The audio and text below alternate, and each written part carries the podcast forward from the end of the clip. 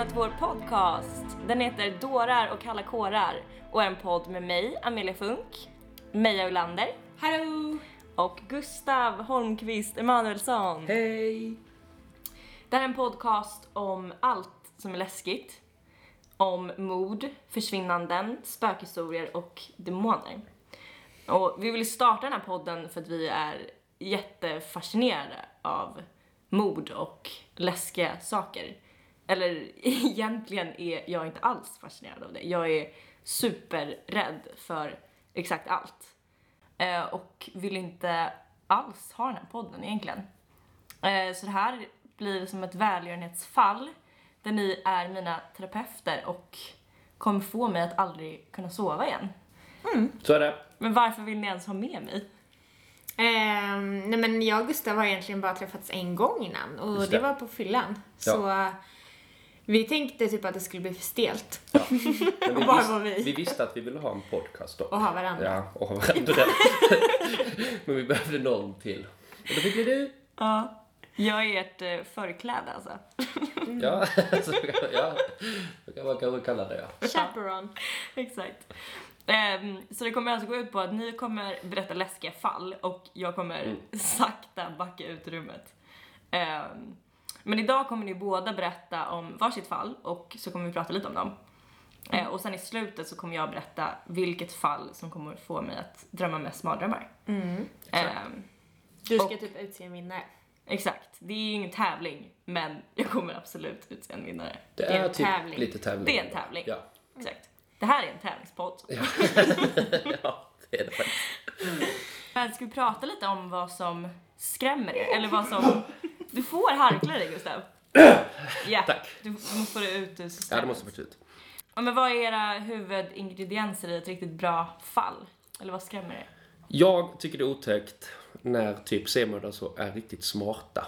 Alltså typ när Vilket de alltid är typ. Ja, De väldigt det, det, det, det, det är ganska exakt det de är. Men typ när de leker med polis och sånt, det tycker jag är lite läskigt. Fast det är Och- coolt också. Det är coolt också. Och sen Sexigt. Ja, det vet jag väl inte riktigt om det är sexigt det är. men- Men eh, jag tycker inte heller om nekrofili, tycker jag också är rätt otäckt. Ja, det är riktigt äckligt. Alltså när man ligger med döda. Ja. Det, det, det är faktiskt... Eller nakna. Ja.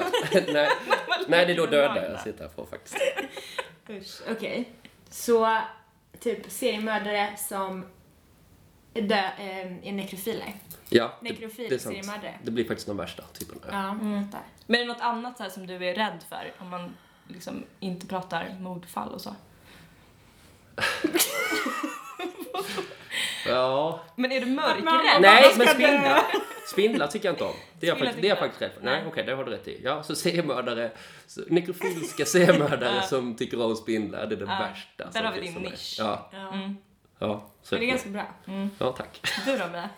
Ehm, nej men jag tycker att det är spännande med så eh, försvinnanden. Spårlöst försvunna personer som aldrig hittas. Alltså aldrig hittas.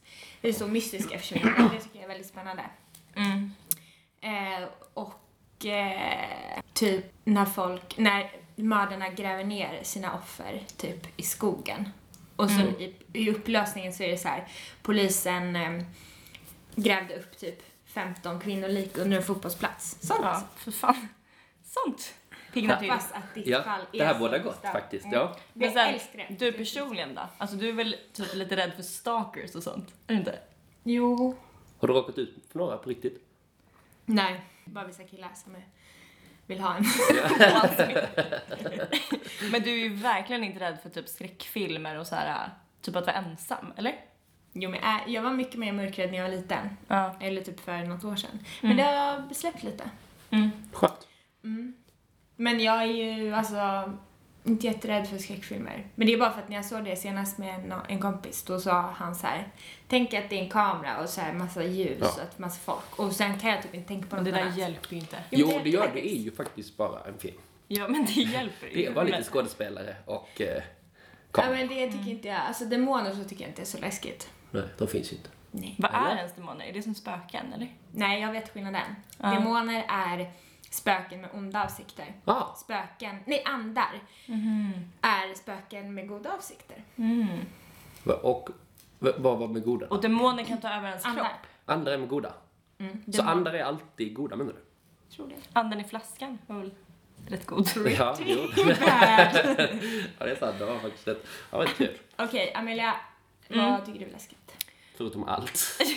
Men alltså jag är så här rookie med mordfall så. Alltså jag kollar inte på någonting sånt för att jag är verkligen livrädd. Alltså det förstör mitt liv. Jag kan knappt se dokumentärer. Så jag utsätter mig aldrig för det. Men jag är heller liksom inte rädd för att så här, jag är inte rädd att gå själv. Alltså jag är inte så här logiskt rädd. Nej, för det är det som är konstigt. Jag måste bara pausa. Till exempel nu i Barcelona. Ja. Då var ju Amelia knata ut mitt i natten. Förlåt men varför ska vi pausa? Nej men eh, jag pausar din historia. Du är ju väldigt så att du typ går hem i mörkret själv, du är aldrig rädd. Typ. Nej. Jag är superrädd för att gå hem. Va? Ja, alltså Är jag, jag är jättenaiv. Alltså typ Ja. nu är det en våldtäktsman i Vasastan. Och jag är ändå så här, Är går, går igenom Vasaparken på kvällen själv. Ja. Hur, vad vet du om den? Nej jag vet typ ingenting men det var i helgen så var det, skedde det en våldtäkt på Karlbergsvägen, typ vid tre. Och jag gick Är där där typ du klockan? 12. Jo. På Karlbergsvägen? Nej jag bor inte där men liksom bakom Vasaparken, det här är liksom framför. Säg inte din adress. Nej men så jag är ju inte så här logiskt rädd. Alltså jag är liksom Nej. rädd för typ att jag ska dra upp persiennen när det är mörkt ute och, och det ska liksom stå ett par ögon och kolla in på mig och jag bor liksom på sjunde våningen. Ja, svårt ja. Så det är liksom inte En möjligt. ben. Men vad läskigt. Var det ett fall eller var det fler fall? Eh, nej det var ett fall. Mm. Så det är inte en serievåldtäktsman? Jag Inte vet inte. Vi kanske, vi kanske kan återuppta det här nästa vecka. Ja, jag ja det är spännande. Men det är, så här, jag, det är jag inte rädd för. Jag är liksom inte rädd för att dö. är ni det? Nej, nej, inte alls faktiskt. Du har ju dödsångest. Men det är så som en annan diskussion. Ja men Ja. bara så här. Jo men det är Men jag är inte Det rädd kan för ju- att bli mördad tror jag. nej. Det är coolt att bli mördad. Ja, det är coolt. Ja och coolt att få vara med i en podd. Och Ja, exakt. Ja, jag hade lätt kunnat dö bara för att vara med i den här podden. Gustav Emanuelsson Fredriksson. Gustav Felixson Emanuelsson, ja, nästan. Vad heter du då? Hermansson? Nej, men Emanuelsson. Holmqvist Emanuelsson är fortfarande... Ja men Meja jag tänkte att nu är det dags för dig att få oss rädda. Ja.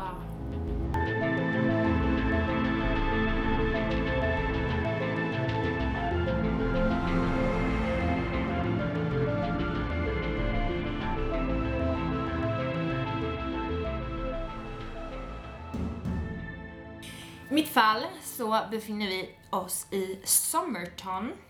Nu får man ha lite så eh, överseende med eh, uttal. Ja, såklart. För att eh, det är lite svåra namn på saker. Men var ligger den någonstans? Ja, det- Ja, okej. Kom igen, öka nu. Ja, förlåt. Jag ska precis säga. Somerton är en förort till Adelaide som ligger i...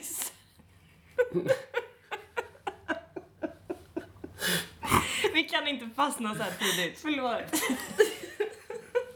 Men Det var så konstigt när folk säger så här. Åh, vad hette de då?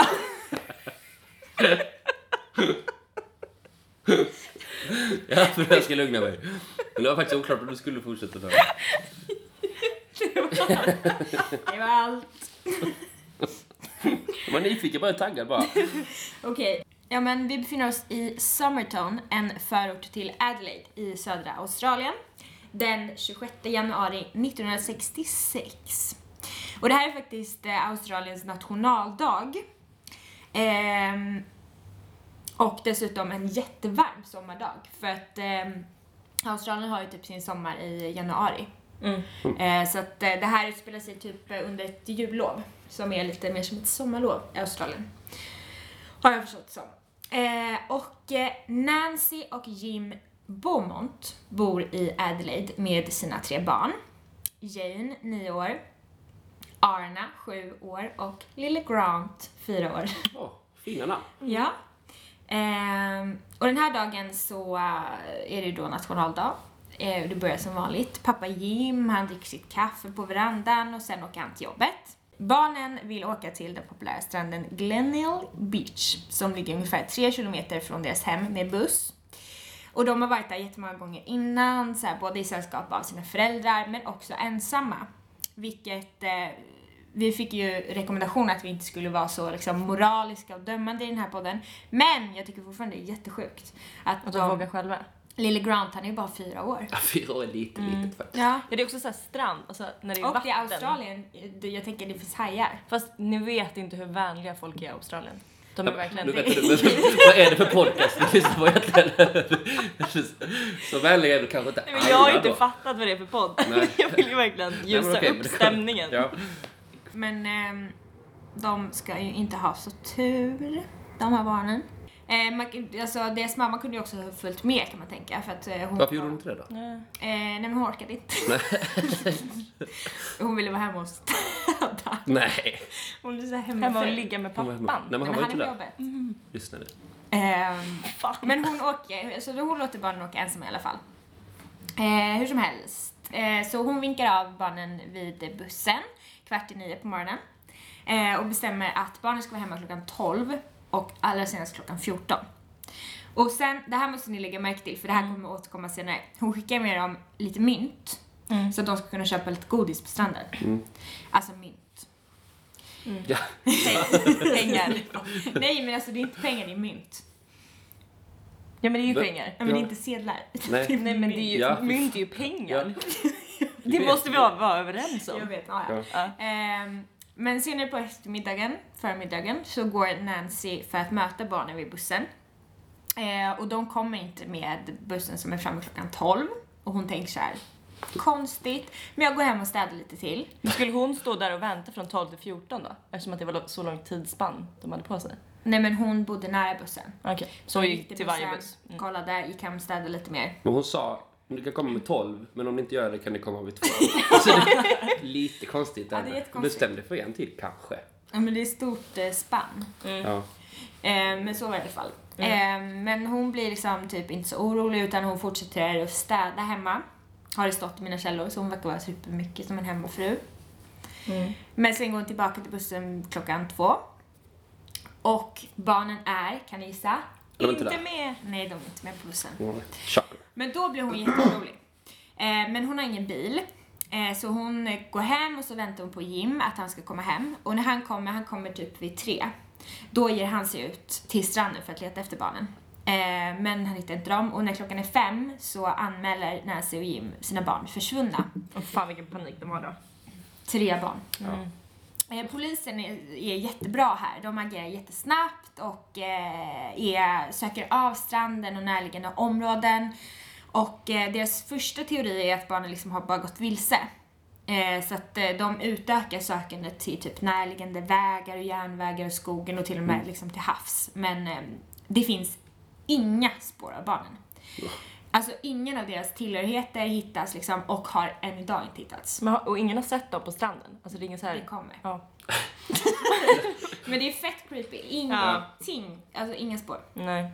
Men eftersom att det här är liksom mitt på ljusa dagen det. och på stranden så får ju polisen in jättemånga tips. Mm. Och ett av de här tipsen leder till exempel till att man eh, den 29 januari tömmer en hel båthamn som heter The Patawalonga Boat Haven. haven. Såklart den heter. Ja, bra uttal. Eh, men återigen inga spår, bla bla. Och lokalbefolkningen, de hjälper också till jättemycket och typ eh, lokala taxibilar tar liksom ledigt och åker runt och hittar Okej. och så här. Så det, det är liksom en liten förut och alla blir involverade i det här fallet. Mm.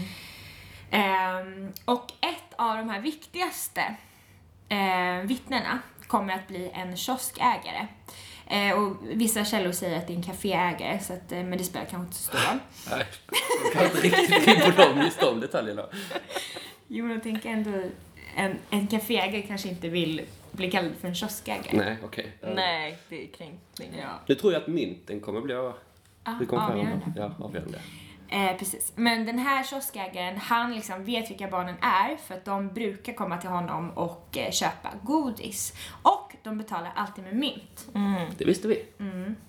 Men den här morgonen så har barnen kommit, men beställt en köttpaj och betalat med sedlar. Va? Det är ju fett konstigt. Och... Vad är konstigast? Ke- Att betala med sedlar eller att det är just en köttpaj? ja men det är det som kommer nu. Sedlar.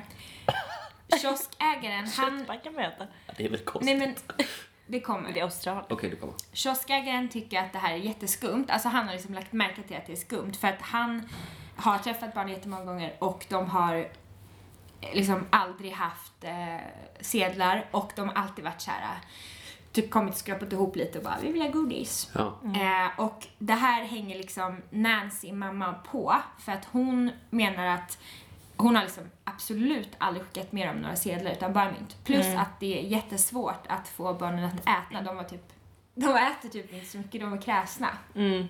Så hon tycker att det är jättekonstigt, alltså vad fan skulle de med köttpaj till? Ja. Ja, det är faktiskt konstigt. Jag tycker det är märkligt att det är just köttpaj faktiskt. Till Ja. stranden också, fast det var det kanske förmodligen. Tänker vi också att det är en, så här, en stor hel paj, eller en sån här minipaj. Det är jätterandom att köpa en stor paj. Man kanske åt annat på 60-talet. Ja. I Adelaide. Kan du inte säga Eh. strandens namn en gång till då? Glenelg Beach. Och båthamnen. Båthamnen var det som var kul. The Patawalonga Boat Havn. Ja. Stranden var typ inte så kul. Eh, okej. Men sen är det en massa andra vittnen som har sett en eh, solbränd man i 35-årsåldern i sällskap med barnen på stranden. Eh, och då typ säger de att så här, barnen har typ lett och skrattat och sett glada ut och så. Men det är många som har reagerat på att mannen har hjälpt de här äldre flickorna, de var ju 9 och 7, att han liksom skulle ha hjälpt dem typ att klä på sig. Nej. Vilket är skumt för att vittnena tycker att så här, de såg så stora ut att de liksom, eller tillräckligt gamla för att kunna klä på sig själva. Mm. Men runt kvart i tolv på förmiddagen så är det ett vittne som har sett barnen och mannen gå därifrån. Och då är Nancy, mamman, hon blir återigen chockad över de här vittnesberättelserna. För att hon menar att Jane, som är hennes eh, äldsta dotter, hon som är nio år, hon liksom är så här jätteblyg och typ, eh, det, skulle, det är helt otänkbart att hon liksom skulle leka med en okänd man. Och skrivit en ökänd man. Men det är också. Det är väl kanske inte än då. Men. Eh, Men sen är det en jätteläskig grej. Och det är så att Nancy kan liksom erinra sig, erinra sig, Ord. Ja, att hon kommer ihåg så här, Ja. att Arna, som är mellandottern, hon är sju år, att hon har kommit hem från stranden och typ retats med Jane jättemycket och sagt så här: Jane har en pojkvän på stranden. Ja, Nej. Så då kommer Nancy på så här. För då har Nancy trott, eller föräldrarna har trott typ så här, ja men det är väl en pojke i hennes egen ålder liksom, Ja. som em, hon lekt med. Men då tänker hon så här, är det mannen? Och att de typ då skulle ha känt mannen Mm. innan. Det är lite läskigt. Men de, för de brukade vara på stranden ofta. Ja, de var Mm. ofta på stranden. Själva. Ja, själva. Så att eh, då verkar det liksom som att de redan skulle ha känt den här mannen typ. Mm. Att de hade hängt med honom innan. Mm. Eh, och eh, ja men så här, dagarna går och polisen har liksom helt kört fast typ. Eh, och Sunday Times kallar in en pensionerad superpolis, Spencer Kelly. Men det finns typ alldeles för få bevis typ för att han ska kunna jobba med fallet. Eh, Varför var han en superpolis? Eller vad gjorde han så speciellt? De var men, men han var, nej, han var en pensionerad superpolis. Pensionerad eller pensionerad? Passionerad. Ja, vad sa pensionerad eller En pensionerad? pensionerad. Ja, okej. Ja, varför Så- tar de in honom då? Det låter ju Nej, men det dåligt. gör, de gör ju kanske alltid så, typ man tar in Leif GW Persson för att han Ja, det har lång sant. och bra erfarenhet. Men eh, det här kommer inte att bli alls viktigt för att eh, det kommer Vad nästa vad grej. bra att du sa det. Men jag ville bara säga att så här, många kallades in typ och sen Ja, Spencer Kelly åker ut för att han typ kunde inte jobba med fallet. Nej. Och då kommer en superpolis. desperat idé från en lokal affärsman. Man kallar in mediumet Gerhard Cruzy. Oh. Oh. Gud, Och det han känns är ovanligt. Liksom, jag vet, men man gör typ så ibland. I alla fall deckare. Mm. Han har liksom eh, blivit känd för att han tidigare hittat massa försvunna barn i Europa och sådär. Mm. Och Jared verkar vara galen har jag skrivit. han vände upp och ner på hela samhället. Först så pekar han mot en eh, tunnel, typ av avloppsrör, som han kräver att polisen ska gräva upp. Och han är liksom helt säker på att man ska hitta barnen, att de har blivit nedgrävda där. Men eh, de hittar ingenting. Och då blir han istället övertygad om att barnen finns under ett betonggolv. Men då säger polisen så här, de protesterar och säger men golvet har lagts liksom flera veckor innan att barnen försvann. Mm. Men Gerd, han struntar i det här. Mm. Och får liksom... Han känner på sig det liksom. Att det, Han känner det. Han är ju ändå litar på honom. ja, Ja men så är det. Ja, De var ju desperata. jag slutar Ja. på det. Men eh, han får typ med sig massa människor så det är massa som skriver på så här och så till slut så gräver de upp golvet. Men de hittar ingenting där. Men det som då är lite läskigt är att två stycken likhundar har markerat vid det här betonggolvet vid två Oh. olika tillfällen. På exakt samma plats. Men polisen har inte hittat några kvarlevor. Men jag tänker att det kanske var något gammalt lik. Någon annan. Ja. Mm. Men i alla fall. Spåren tar slut. Nej. Och polisen är jätteuppgiven. Och hela De har som- typ inte ens varit nära. Nej. Inte alls. Det känns också sjukt eftersom att det har skett liksom på dagtid. Ja, och massa, Massa vittnen då. Ja, exakt. Men eh, man hittar ingenting. Mm. Och man vet ju inte, alltså det finns ju inga spår eh, liksom i form av typ kläder eller så heller. Alltså ingenting. Och Somerton går ju typ tillbaka till sin vanliga lunk och ja, utan att fallet blir löst. Men så plötsligt, två år efter att barnen har försvunnit, så kom ett brev hem till Nancy och Jim. Undertecknat Jane, deras äldsta dotter. Och enligt brevet så hölls barnen fångna av en man som nu sa att han ville lämna tillbaka dem. Och Nancy och Jim blev ju såklart superglada.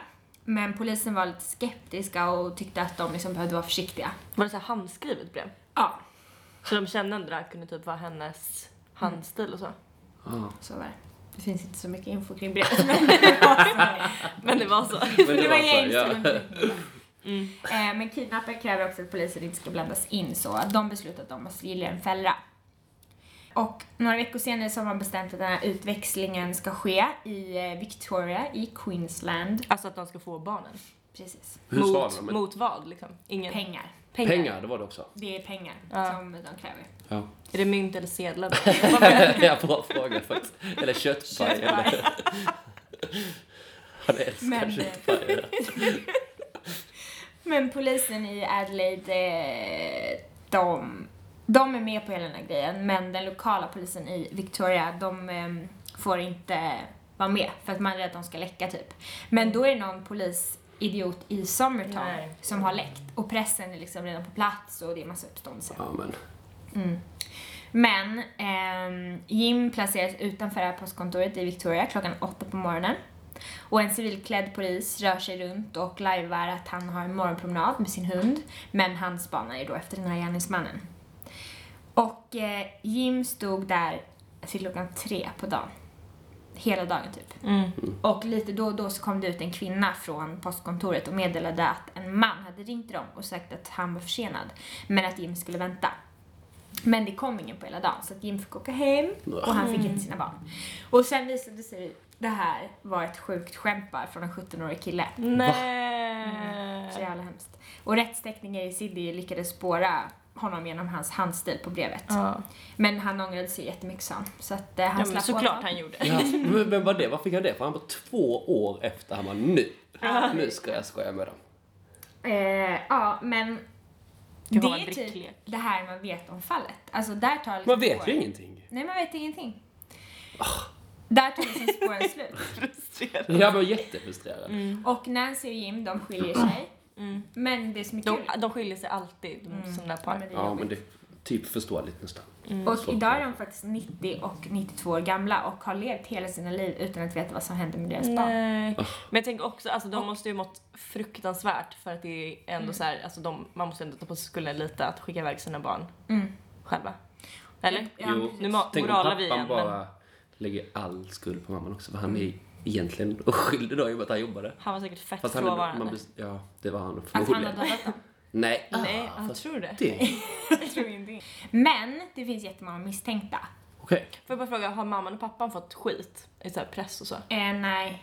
Det kanske inte var så ovanligt att lämna bort barn. Nej. Nej, alltså som då. jag förstod det så var Somerton, och liksom på den här, dels på den här tiden och sen den här förorten, det var så jätte Familjärt. chill och familjärt. Man Mm. låste inte sina dörrar, man lät barnen gå typ som happ. Så att jag tror inte det var så ovanligt Nej. Faktiskt. Men ja, det Misstänkta. finns några misstänkta. Mm. Jag tänker att vi kanske kan, jag kan berätta lite om dem Mm. och så Gärna. kan vi diskutera lite. Mm. Ja, kul. Och när man förstår det här, de, de här misstänkta, vissa verkar ju alltså uppenbart verkligen vara misstänkta.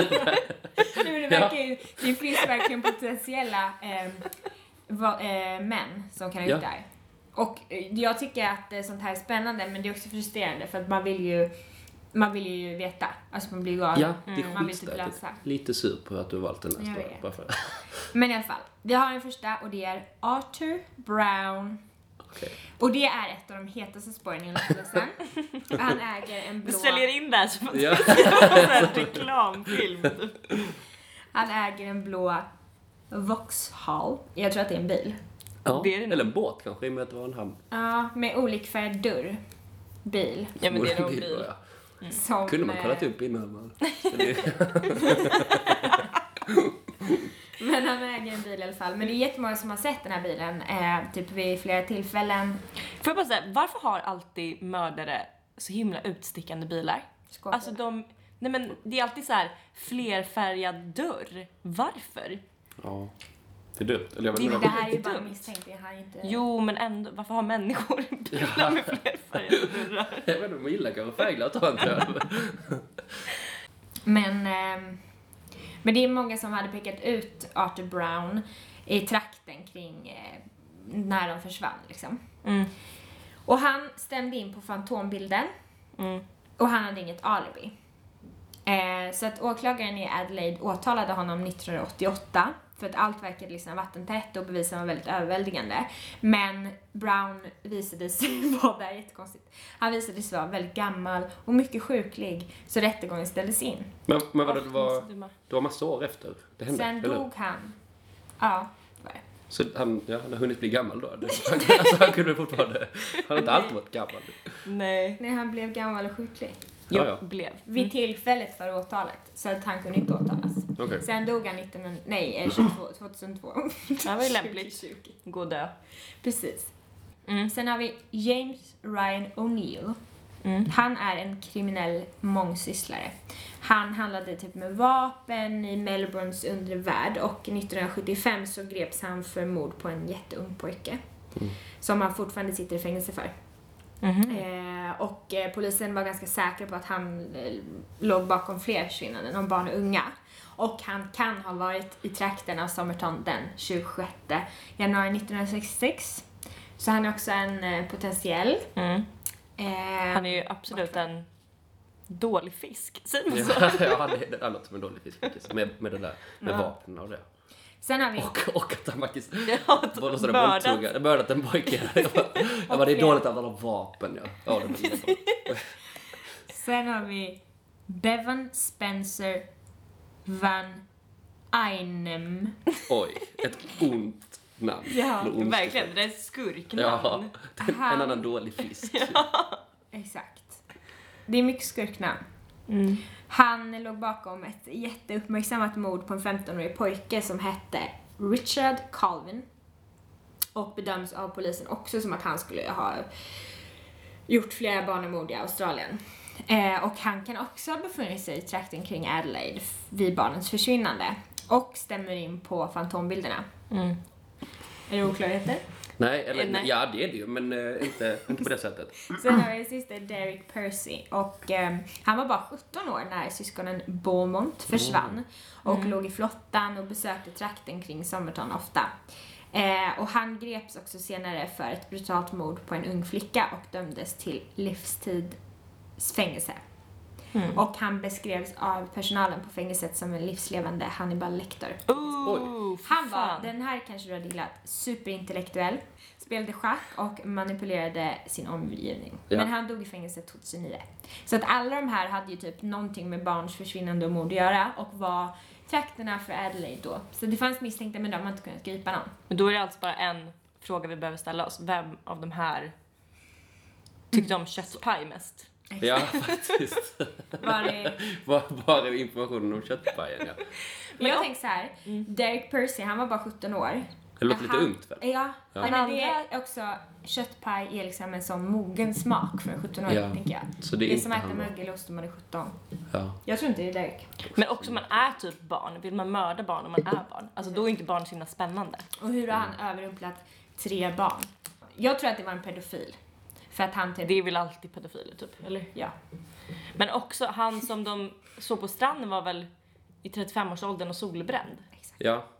Vem av dem var det här? Liksom? James Ryan O'Neill tycker Var jag. han bra? Såg du något om pigmentet där? Ja, men, men finns det inte mer information att han var 35 och solbränd? Och liksom är ingen, var alla de här, som du sa, var alla de 35 och solbrända vid den här tiden? Nej. Men, eh, men jag Men- tycker att man kan tänka typ så här att Arthur Brown, han hade ju den här blåa bilen med det. olika dörrar. Ja, Mm. det- det är fuffens. Och det låter som en surfare. En sån Mhm, typ du tror att det var en surfare? Ja, och surfare brukar vara solbrända menar du? Ja. Mm. Och i Men- 35 års ålder. Också det här, alltså vad som har hänt med pengarna, att de hade mynt men fick sedlar. Men det är det Vi fick ingen mer information Det är ju heller. jättekonstigt. Nej men det är ju bara, det fattar man ju. Att då var det hans pengar. Det Liksom. finns ju en person som ligger bakom beställningen av köttpajen och sedlarna. Alltså det, det är det jag tyckte var creepy med det här fallet. Att det, det var liksom, dels det här med att, ehm, att hon, mellandottern sa att Jane hade en pojkvän på Mm, stranden. exakt. Alltså det är så här, hur länge har de känt den här mannen? Mm. Och har de känt mannen? Vem är det här? Typ. Och vem är det som har skickat dem att köpa en köttpaj? Det känns som en person som inte har varit så diskret. Nej jag tänkte också det, alltså skicka barnen, ge dem pengar och att de själva ska gå och köpa en köttpaj. Det känns onödigt om man sen har bestämt sig för att mörda dem. Ja, Men han kanske inte hade bestämt sig för det i och för sig. eh, och förmodligen har han mördat dem för annars känns det som någon hade reagerat på något sätt nu i alla fall. Alltså, men i och med att man inte har hört du menar att de någonting lever? någonsin. Nej men jag tänker att om de hade levt så hade de Ja. förmodligen gjort någonting i alla fall. Någon hade sett dem eller att någon hade pratat med någon. Eller så är de väl bara en klassisk källare. Men om vi får Bra. gissa, vem tror du det är? Arthur Brown, James Ryan O'Neill, Men de där namnen... Bevan Spencer, Van Det är jättesvårt att hålla reda på. Van Halen. Einem. Men alla de här är ju fula fiskar. Ja. Eller vad sa Mm. du? Dåliga fiskar. Jag tror eh, Arthur, säger Mm. jag. Jag med. Mm. Jag tror Arthur. Ja. Men det är den första. Ja. Ja. Eh, men han var sjuklig och det. Det är jättekonstigt att man, alltså man kommer undan om Men man är sjuk. det finns ju piller för att ta och liksom långsamt insjukna. Ja. Och han kanske märkte att de hade honom på spåren med köttpajen. Så han, Han gjorde sig själv piller. Sjuk, ja. För att bli sjuk. Ja. Och de bara ah men han är sjuk. Ja, det var frustrerande att man inte fick veta mer. Men det är ju svinäckligt, alltså när det är, handlar om barn. Ja. Tänk tre syskon. Mm. Och vi kommer ju lägga upp bilder på... Syskonen. Jo det ska Ja, vi göra. nu ska vi sätta igång med jakten ja. Jaha. Vi hittar på- Men det är Det alltså, jag tycker det är så himla obehagligt att se mördares eller potentiella mördares ögon. Jag vet. Alltså hade du visat bilder på de här äcklorna, Mm. alla hade ju säkert varit äcklor, solbrända äcklon. Då hade jag liksom blivit räddare tror jag. Ja. Redan bestämt sig. För man kan också se i folks ögon om de är kapabla till att mörda barn. Kan du det? Och äta köttpajer. Ja, vi hittar Han har ju gjort Han har ju barnen barnen. Ja, jävlar vad du skrämde mig. Gud, jag ur blev mig. när jag kom på det. Alltså vilken insikt. Fy Men, fan vad rädd jag blev. men, ehm, Men vadå? De har gjort en köttpaj av barnen? Ja okej. Han älskar köttpajer. Ja. det är konstigt i hela den här sen har han ätit dem. För det var ju, de sa ju också att det var, han var lite, han var lektor. Precis. Men eh, det är spännande med sådana mystiska försvinnanden, men det är också frustrerande för man vill veta vad som har hänt. Men de är Ja. förmodligen döda. ja, det kan vi nog Mm. garantera ändå. Eller Ja. garantera. Alltså det hoppas man ju nästan också, eller? Ja, Alltså hellre att de är döda än att han har dem någonstans. Eller Ja. har haft dem någonstans. hellre döda än. Fast jo. Eller? Om du, hur gamla har de varit nu då? Oj. Ja, men skitsamma. Men de hade, de, de, de, de hade kunnat är leva i alla fall. Okej, men det var mitt fall. Ja, Mm. bra. Skitbra.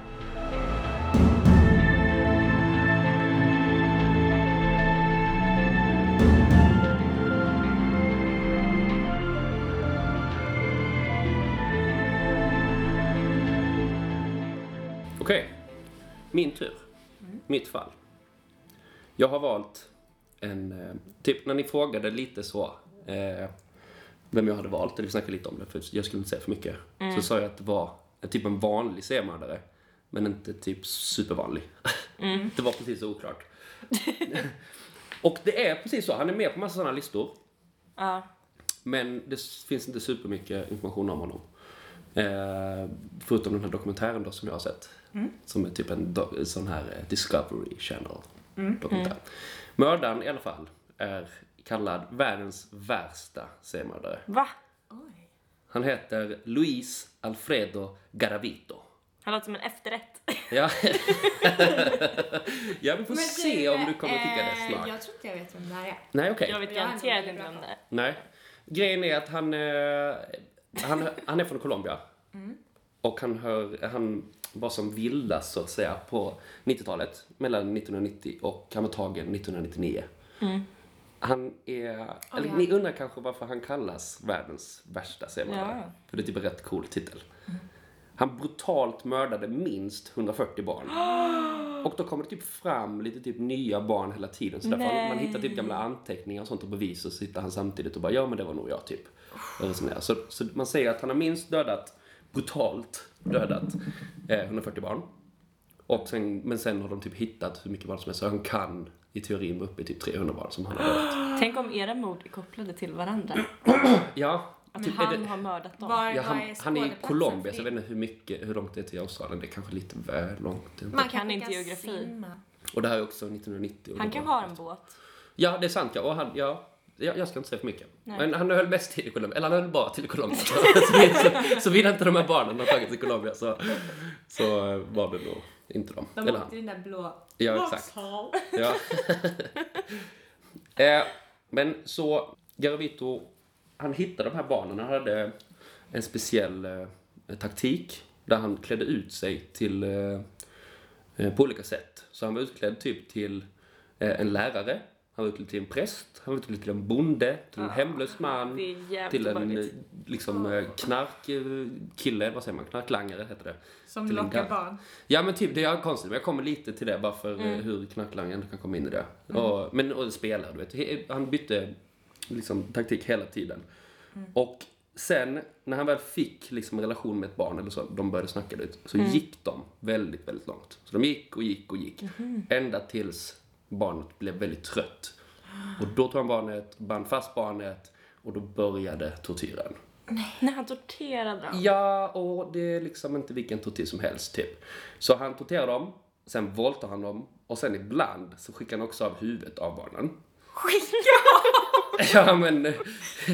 han halshugger dem. Ja, han halshugger barnen. Vissa av dem, inte alla. Och eh, man har typ kunnat se att eh, det, var all, det har typ alltid varit lång tortyr, står det. Eller så Nej. Wikipedia. Men det, det, det står ändå, så vi, vi kan väl... Varför, varför, Antar det, alltså ja. barnen, de ville liksom bli hans vän. Alltså det var ändå som att de Ja, alltid eller typ följde lite med. olika. Man litar liksom på en präst. Några kanske var inne i knarkträsket liksom och vill de ha pengar. Hur gamla eller... var barnen? De är, vi, kommer, vi kommer komma till det, men de är unga. De är typ Mm. mellan 8 och 14 i stort sett. Men det var liksom så han behövde tvinga med dem. Nej, nej, utan då, då, då hade han lurat dem när han väl kunde gå med Men dem. det så är ju jättelätt att lura barn. Men det är också Ja. äckligt med lite så här mind games, att så här, äh, bygga upp ett förtroende och sen... Ja, han var, måste typ vara rätt skicklig. Ja. Men, men vi ska komma, för jag är inte Mm. riktigt klar med Nej. Det blir ännu, ännu värre. Det är typ Ja, men det, vi- det sjukaste. Man kan typ vara med på att det kommer vara rätt äckligt här nu. Men i alla fall. Mm. Så på de flesta barnen så kan man se att det har hänt något med deras rumpor. Det har alltså huggt med, eh, med kniv. Och det har liksom penetrerats i analet. Med, med kniv. I anuset då. Och sen, mina damer, så har barnets pungkulor Nej. liksom placerats i munnen. Nej, för fan. Jo. Det är ju värst, det är det värsta jag har hört. Ja, och utöver det så finns det bitmärken och, eh, och så, ni vet. Och dessutom finns det alltid, på alla fall har det typ varit en flaska med kräm och en flaska med sprit, med samma spritmärke hela tiden. Så det har hittats på alla brott- brottsplatser. Vad, Alltså, vadå, var han spriten? Han var full liksom, antar jag. Och han bara sin egen sprit. Och så. Och ett glidmedel. Ja, eller någon vätska liksom. Ja. Så vi snackar på den nivån. Alltså, Men det här typ går liksom inte ens att ta till sig. Nej. Alltså, typ, det blir för... Ja. Och det är minst 140 barn. Så egentligen skulle jag typ kunna sluta där Och jag bara, ja, Ja. stopp. För det är typ det sjukaste som jag har hört i alla fall, tror jag. Men jag, har sett en, en dokumentär nu några gånger, så jag ska, och den, den var rätt bra, för man, fick, man, får, man får följa, eller den var typ inte så bra, men man får i alla fall följa hur, de, hur Colombias polis typ får, får tag på dem till slut. Och då ska vi, vi ska börja i Colombia. För det är typ lite, det är inte helt gött att bo i Colombia vid den här tiden. Typ, det, är, eh, det händer mycket. Regeringen saknar helt inflytande och det, är typ, det har varit rätt mycket reger, alltså, regering mot gerillaattacker och sånt liksom. Eh, men, och, och dessutom så finns det många, många hemlösa barn Eh, inte så många hemlösa vuxna, men det är liksom bara massa gatubarn. Så det är ingen som, ingen som märker när de försvinner liksom. Det är jättetragiskt. Ja, det och så, ja väldigt hemskt. Men också tacksamt för en Garavito. Mm. Så, så bara, det, det, bara där är det ju svårt för polisen liksom att få reda på. Vi ska komma eh, vidare med hur svårt det verkligen är. Och sen var han smart på det sättet att det inte bara är en by, utan han rör sig liksom i hela landet. Så man hittar liksom olika massgravar med, med massa, eller ja, uppenbarligen massa barn. Massgrav. Ja, massgrav med massa Får barn. rysningar. Ja. Och ofta då med, eh, med bara skelett dock. Åh. Så det har varit eh, ett tag. Och det är ingen som, ingen som känner till barnen liksom. Nej. Ja. Men så finns det, eh, det är en mamma som, eh, som reagerar en gång. Och då är det en, en pojke som heter Ivan Sabogal som försvann när han skulle sälja sina lotter. Och då tog den här mamman kontakt med myndigheterna och sa att eh, hej, ni får göra någonting åt att min son är borta och så. Och det, de sa typ att hon fick övertala polisen, vilket jag tyckte var lite konstigt att det bara, typ de var inte så sugna på att ta sig åt, för de visste att det var kört typ. Men till slut så var det då en man som, eh, som eh, tog sig an fallet. Och sen så kom det in lite olika mammor så, ju mer tiden gick och det kom lite liknande fall och så. Så fler poliser blev aktiverade i det här eh, fallen. Men det var som sagt svårt att, att hitta någon information. För det ska tilläggas också att hela det här seriemördarkonceptet var väldigt nytt i Colombia. Eh, typ i USA, så då har det, vi är ändå på 90-talet, så i USA har det varit en del och samma med England och sånt. Så ger de så exempel i dokumentären här. Eh, så det, de, de kan liksom inte riktigt eh, analysera liksom, speciella vägar och sådana tankar och, och sånt än. Så det, det finns många amerikanska experter i dokumentären också såklart som står och mallar sig. I alla fall, men just det, sen är det en, en psykolog som jag fastnade lite för som jag tyckte var väldigt bra. Och hon sa eh, hon sa en grej som, som är bra för alla seriemördare typ. Vilket är att fantasin, den är alltid perfekt. Så varje gång när man fantiserar att man ska göra någonting så blir det exakt det man tror. Det, det handlar ju om, när man, typ som när man, ligger och, när man ska gå och lägga sig dagen innan och planera sin dag och sen så ska det vara exakt, man ska upp tidigt, det ska bli perfekt och sen vaknar man så mår man piss typ. Det, det, det, är min, det är så jag går in på seriemördartänket. Ja, men. Men, men så, att de, de, de, när de väl tar det, i Garvitos fall då när han går in och, går in, men han, när han mördar ett barn, så är det kanske någonting som missas varje gång. Och därför måste han göra det Han gör igen. tabbar. Exakt, eller det blir inte som han har tänkt sig riktigt. Så det Han vill igen liksom ha igen. det perfekta modet. Ja, han vill ha det som i fantasin. Alltså men det det blir det triggar aldrig. honom att typ fortsätta. Ja, exakt. Fuck vilken sjuk person. Ja. Men visst Ja, var det rätt att bra? det- Fantasin är alltid perfekt. Ja, rätt att det är så för alla seriemördare liksom. Det är Ja, också vackert. ja. Det är inte vackert. Men så, Det är det ju verkligen beskriver sinnesrubbningen liksom. Ja. Men Ja, det var inte så mycket. Jag tyckte bara det var lite tydligt, typ. Jag Ja. uppskattade det blev tydligt. Ja. Men, men sen eh, så är det framförallt en utredare som, de- som de blir eh, väldigt förtjust i den här dokumentären som heter Aldemar Duran. Och han kallas The Killer's Shadow, eller bara The Shadow, för han är så himla engagerad med eventuella mördare. Och han har blivit riktigt eh, taggad på den här eh, Han är polis då. Ja, han är, ja, precis. Exakt. En utredare liksom. Eh, så kom ihåg det namnet. Ja, ja, exakt. Kom ihåg Aldemar Duran eller bara The Shadow. Alltså jag tänker alltid poliser att de ser ut som strippor nu. För att vi har sagt sexy så många gånger. Ja, han, man får se honom. Han, jag skulle väl inte säga att han är supersexig. Men, Nej. men eh, det är väl en smaksak kanske. Eh, I alla fall, Ser han ut som en efterrätt då? ja, nej inte det heller. Du kan se bilder på Garvit också. Så det- Är snygg? Nej, Ser han ut som en seriemördare? ja, Är han tjock? Nej. Han är Nej. smal, visst är han typ tanig och väldigt ehm, solbränd? Ja, Han är också solbränd. det säger de kanske inte så mycket om. Men i alla fall så hittar man rätt mycket i 99 på ett fall.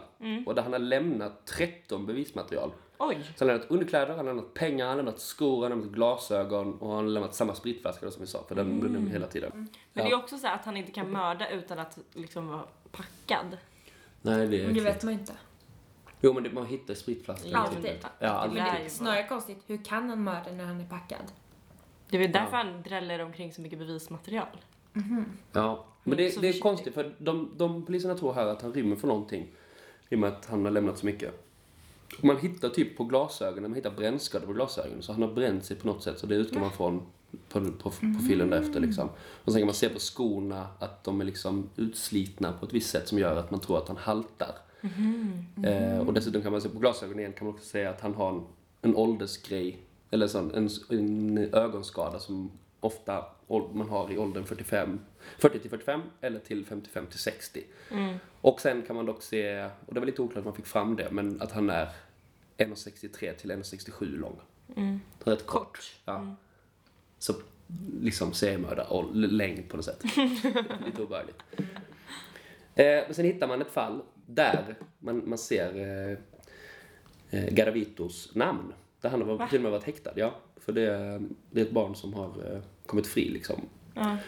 Men de, har, de, de släpper honom för otydliga bevis. Men Duran, han är grym polis här och han är ju liksom, han har koll på läget. Så han går, tar, tar tag i det här namnet och besöker systern. Och där visar det sig att det finns massa grejer. Det finns papper, det finns biljetter, det finns bilder, det finns en anteckningsbok som såklart alla seriemördare älskar ju för de Just skriver ju De detaljer och sånt. Ja, fast, Loggor. ja exakt. Eller vanligtvis i alla fall. De Loggor. hittar inte så mycket, ja exakt. De hittar inte så mycket just där, men det, det är alltid bra Det är som deras typ- CV. Ja, ja men typ. Och sen hittar man dessutom lotter som Ivan har... eh, eller så. Jag vet inte om det var exakt, men det var liksom sådana lotter. Men på en annanstans i, i Colombia, där haffar man en kille. Haffar. Men där är en man, eh, där har en pojke pekat ut en man som heter Pedro Pachuga, vilket tycker var ett bra namn. Mm, jättebra. för barn, eh, som att han har våldtagit eh, honom. Och han har typ en rätt bra historia av barnsex. Eh, och dessutom haltar han och han hade rätt ålder och samma spritflaska. Men så han kom in i fängelset och allt bara, ah, men det, det är bra det här. Och sen så bara händer det fortfarande, de hittar nya barnfall liksom och sånt. Medan han är i fängelset. Men eh, nej, det blir inget mer Pachuga utan man, man släpper honom typ. Eller vet jag inte, men man får inte veta mer om Pachuga. Men sen kommer det intressanta. För nu ringer din bilhandlare in eh, och har träffat Ivan, som det kommer ihåg, den lilla pojken. Och som har sagt att han har blivit våldtagen, men han har rymt. Och dit till platsen kommer polis och Ivans mamma. Till platsen, och där är Ivan. Så de kommer och... och Så han klarar sig? han klarar sig. Och inte nog med det. Eh, Garavito kan man inte se någonstans. Men när de kör iväg därifrån så ser Ivan Garavito från bilen. Och bara, där är han! Där är gubben. Det är han som har, det är han som har tagit mig. Och då stoppar polisen honom. Men då säger Garavito, eller ja, förlåt, men då säger den här mannen att han heter Bonifacio Morera Liscardo. Alltså ett annat namn. Så säger de, ah då är det kanske inte honom. Men Men de tar in honom ändå. du, eller? Ja, han säger ett annat namn. Också ett sånt konstigt Men hur kan fejknamn. de Men vadå? Alltså, gud jag blir så Ja, men de kan väl de, de, de kan väl inte bevisa det liksom? Nej men här pojken pekade ju på honom. Ja, så de, de har ju tagit in honom men de kan inte få in bevisen nu. Så nu är han där inne men han haltar erkänner han? inte. Eh, ja, han haltar. Nej, och, och det är konstigt med den här eh, namnteckningen. Han har dessutom brännskador och han ser ut som Garbito. Men de kan inte riktigt hitta den. Men eh, The Shadow, som jag kallar honom nu, är inte där än. Utan han kommer på plats nu och han säger direkt med ett gäng, det är liksom, nu samlar de he, från hela Colombia. Och eh, The Shadow känner igen honom direkt. Det där är Garbito. Eh, och sen så, så försöker de, eh, eh, vad heter det, utreda honom, eller vad säger man? Alltså när man pratar. Förhöra. Förhöra, exakt. Och det är jättemärkligt att det inte är Duran, The Shadow, som gör detta. Nej. Så de sitter 8-9 timmar med honom och han säger nej det är inte jag, nej det är inte jag, nej det var inte jag. Eh, men sen kommer då, får äntligen Duran chansen och då, Yes. då, är det, då, då säger de också, då är det en sån expert som säger att om man ska verkligen få ut allt ur en seriemördare så måste det vara någon som är sjukt fokuserad i fallet, liksom kan allt om det. Och då kommer, och det gör ju Duran för han... Som har lite knep också säkert. Ja, exakt. Som att poliser typ inte får göra, men de Nej. bryter reglerna. Ja, ja, man vill gärna se det. Och det är lite kul att man har då klipp och det här klippet kommer nu. Jag ska se om man kan, man kan höra, vi provar i alla fall. Det är två sekunder. Den här är Men jag vill inte Garavito. se honom. Och han är jätteledsen.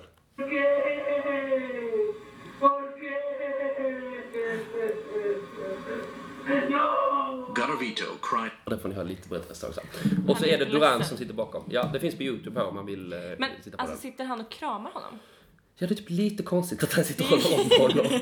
Men jag antar att det är en del av, av, eh, av eh, liksom hans eh, Men man, taktik. blev ju- man fick nästan för... Man fick ju känsla för Nej. honom. Man tyckte nästan synd om honom. Ja, Nej. men om du går tillbaka, vad sa jag nu i början där? Men hur hade vad hade han gjort med barnen? What? Ja. Porque! ja, det, det var... Och sen så, så erkänner han allt liksom. Och, men han skyller Han på att det, ja, det gör han. Eh, men han skyller på att det är en ond ande som har gjort det åt honom. En så det är inte demon. han. Ja, det är en demon. Ja, där har du demonen. Eh, och sen har han du vet antisocial personlighetsstörning och han har blivit Klart. våldtagen som barn och det är hela den biten att han vill göra det som han blev utsatt med som barn. Alltså han såg Uppskrivet. lite ut som en efterrättsgubbe ändå. Ja. Alltså som liksom inte bara tar en bulle. Jag hade menat att han tar mycket efterrätt. Ja, det kan Ja. ta. Ja.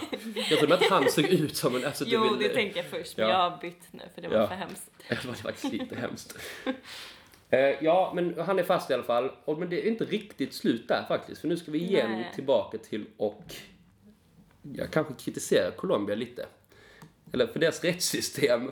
Det är inte helt optimalt här tycker jag i alla fall. För det visar sig att de, max är typ, det är lite oklart, i dokumentären säger de 40 år. Det är det längsta du kan vara inne i fängelset. Så han liksom eh, kommer komma ut snart. Nej. Jo. Och, och då är det igen sådär att eh, sån här sadism och pedofili och så, det går inte, på den här nivån, går inte att bota enligt alla de här experterna. Så, Ja, det så så. Men han såg Ja. ganska gammal ut så han har ju åldrats. Så Ja. Kan han vara typ? Ja, vi, vi Han ska kolla upp hur roller han, Han är. haltar ju säkert ännu mer nu också. Ja. Men det är också, alltså de lär ju ändå ha... Så då, kommer han inte hinna ikapp Nej. Men det är lite så för han har, det finns en, jag, kunde, jag förstod inte så mycket av det, men det finns en annan dokumentär på Youtube där han bara pratar spanska. Men jag hittade typ en översättning eh, och där säger han att han, han vill liksom, han säger förlåt till allting. Och det var också en, en del som gjorde att hans eh, straff blev liksom inte lika långt. Så himla enkelt knep. Ja, han bara ja förlåt och de bara ja men okej då är det lugnt. Då, då välkommen ut. Var det The Men han Shadow? säger, ja, The Shadow, han är, han är, han är Coast Clays för The Shadow liksom. Men, men då säger Garavito att han, eh, nu är han lite sugen på en politisk karriär. För, för att hjälpa alla barn som har blivit utsatta. Och man bara Garavito, jag vet inte riktigt om det, om det är det du ska fokusera på eller om du ska komma ut överhuvudtaget. Men drömmar är perfekta. Eller vad var det? Citat. Ja, fantasi, Ja, det. fantasin är alltid perfekt. Ja. Jag trodde du skulle gå efter någon så här dream big eller något. Dream big, Garbito. ja. Men eh, det är det, hörni. Ja, det var ju sjukt. Han är typ världens värsta, ser man där. Ja. Nej, men bra. Jättebra. Ska du sådär bra?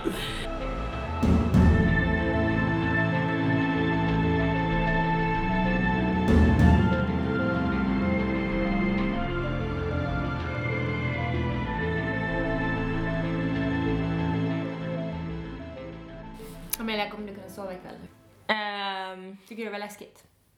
ja, alltså jätteobehagligt.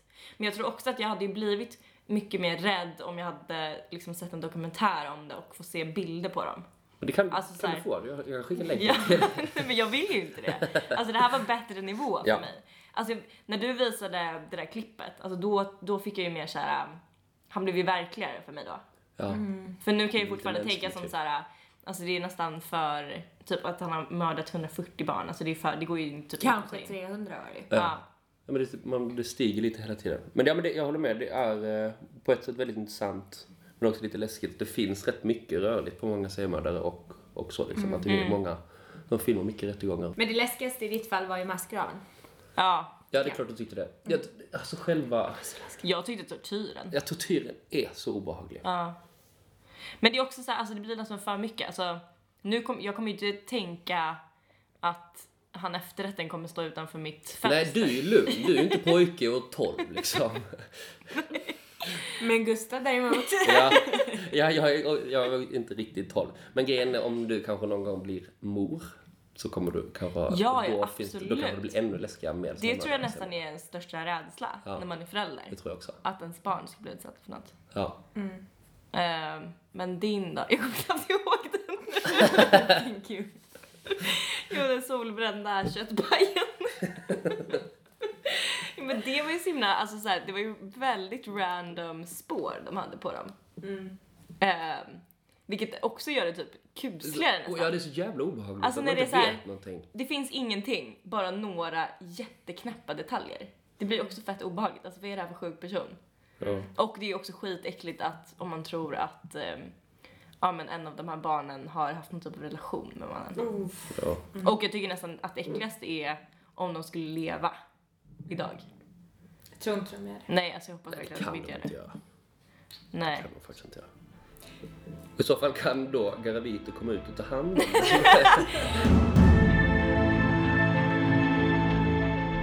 men vi har ju en vinnare. Ehm, och jag vet inte om jag bara säger det här för att rädda mitt eget skinn, men jag måste ju ta liksom den som mördat flest. och jag tyckte att det var, alltså jag fick mest obehag av Gustavs fall. Ja. För att det var så himla detaljerat. Alltså man hade så mycket detaljer på vad han hade utsatt barnen Typ för. lite för mycket. Typ lite för mycket. Ja. Ja.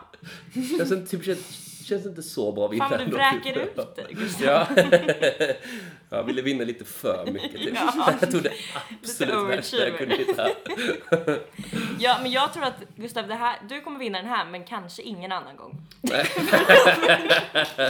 för nu har du verkligen tagit det Ja, värsta det, fallet. ja, det är sant. Ja, det är det. Så du får den. Ja. Starkt, tycker jag. Ja. Det var första avsnittet. Och eh, nästa vecka är vi tillbaka med nya fall. Ja. Det sätts på. Eh, jag kommer inte sova, men sov gott ni andra. Godnatt. Godnatt.